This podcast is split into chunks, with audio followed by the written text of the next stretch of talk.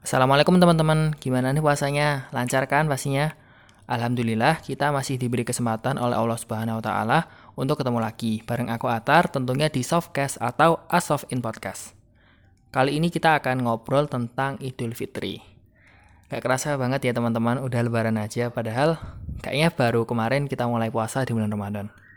Target teman-teman selama Ramadan ini gimana nih? Tercapai atau malah tercapai banget? Untuk yang belum tercapai target Ramadannya, semoga bisa bertemu lagi dengan Ramadan tahun depan. Amin. Ngomong-ngomong, kalau menurut teman-teman, uh, momen Idul Fitri apa sih yang paling berkesan? Nah, kalau dari aku sendiri, salah satu momen yang paling berkesan itu bisa sholat id bareng ya sama saudara, sama keluarga, sama tetangga. Ya, tapi karena kita masih ada di tengah pandemi, jadi sholatnya di rumah aja ya teman-teman.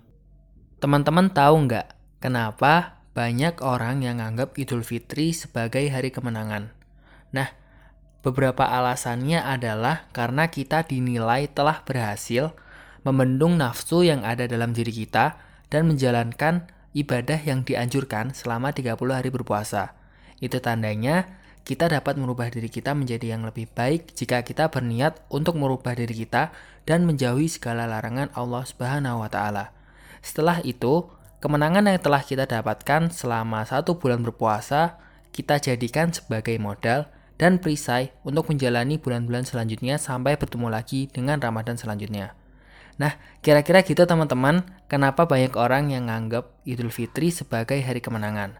Semoga kita masih diberi kesempatan oleh Allah Subhanahu wa taala untuk bertemu dengan Ramadan berikutnya ya. Amin.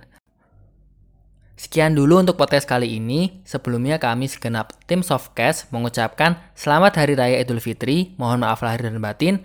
Sampai bertemu di episode Softcast selanjutnya. Stay tune ya teman-teman. Wassalamualaikum warahmatullahi wabarakatuh.